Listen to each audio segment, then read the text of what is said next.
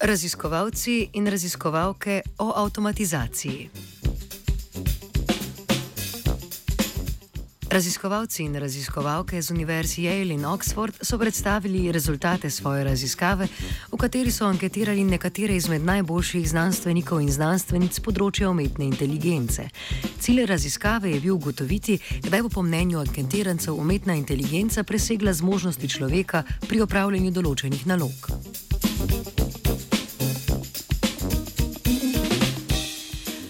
V raziskavo so bili zajeti vsi raziskovalci, ki so leta 2015 sodelovali na dveh najpomembnejših konferencah na področju umetne inteligence. Izmed 1634 znanstvenikov se jih je na povabilo za sodelovanje v anketi odzvalo 21 odstotkov oziroma 352.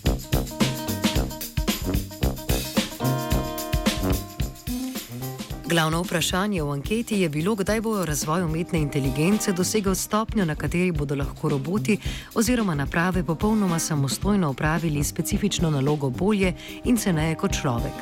Iz vseh odgovorov so na to izračunali, kdaj bo s 50-odstotno verjetnostjo umetna inteligenca lahko zamenjala človeka.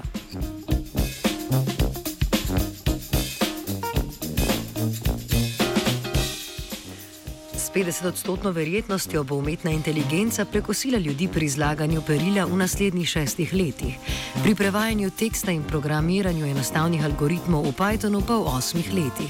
Pri pisanju srednješolskih esejev in skladanju pop uspešnic naj bi bila umetna inteligenca enakovredna ljudem oziroma boljša v desetih letih, pri dokazovanju matematičnih izrekov pa v naslednjih 40 letih.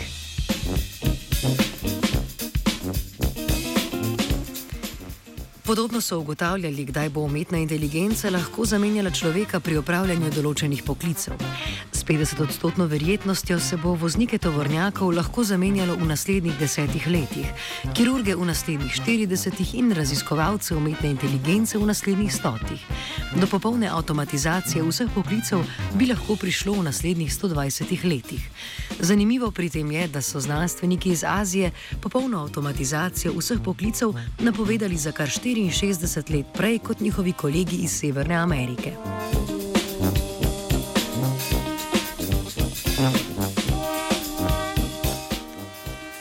Na koncu velja povdariti, da je takšno napovedovanje po naravi izjemno špekulativno in zgodovinsko gledano zelo netočno.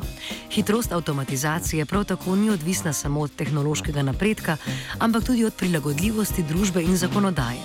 Na bolj točne napovedi bo zato enostavno potrebno počakati.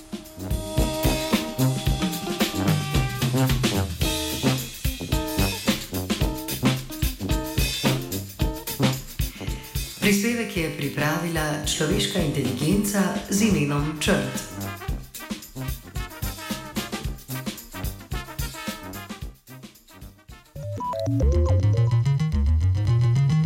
Uporabo računalnika na radiju študent omogoča Franska.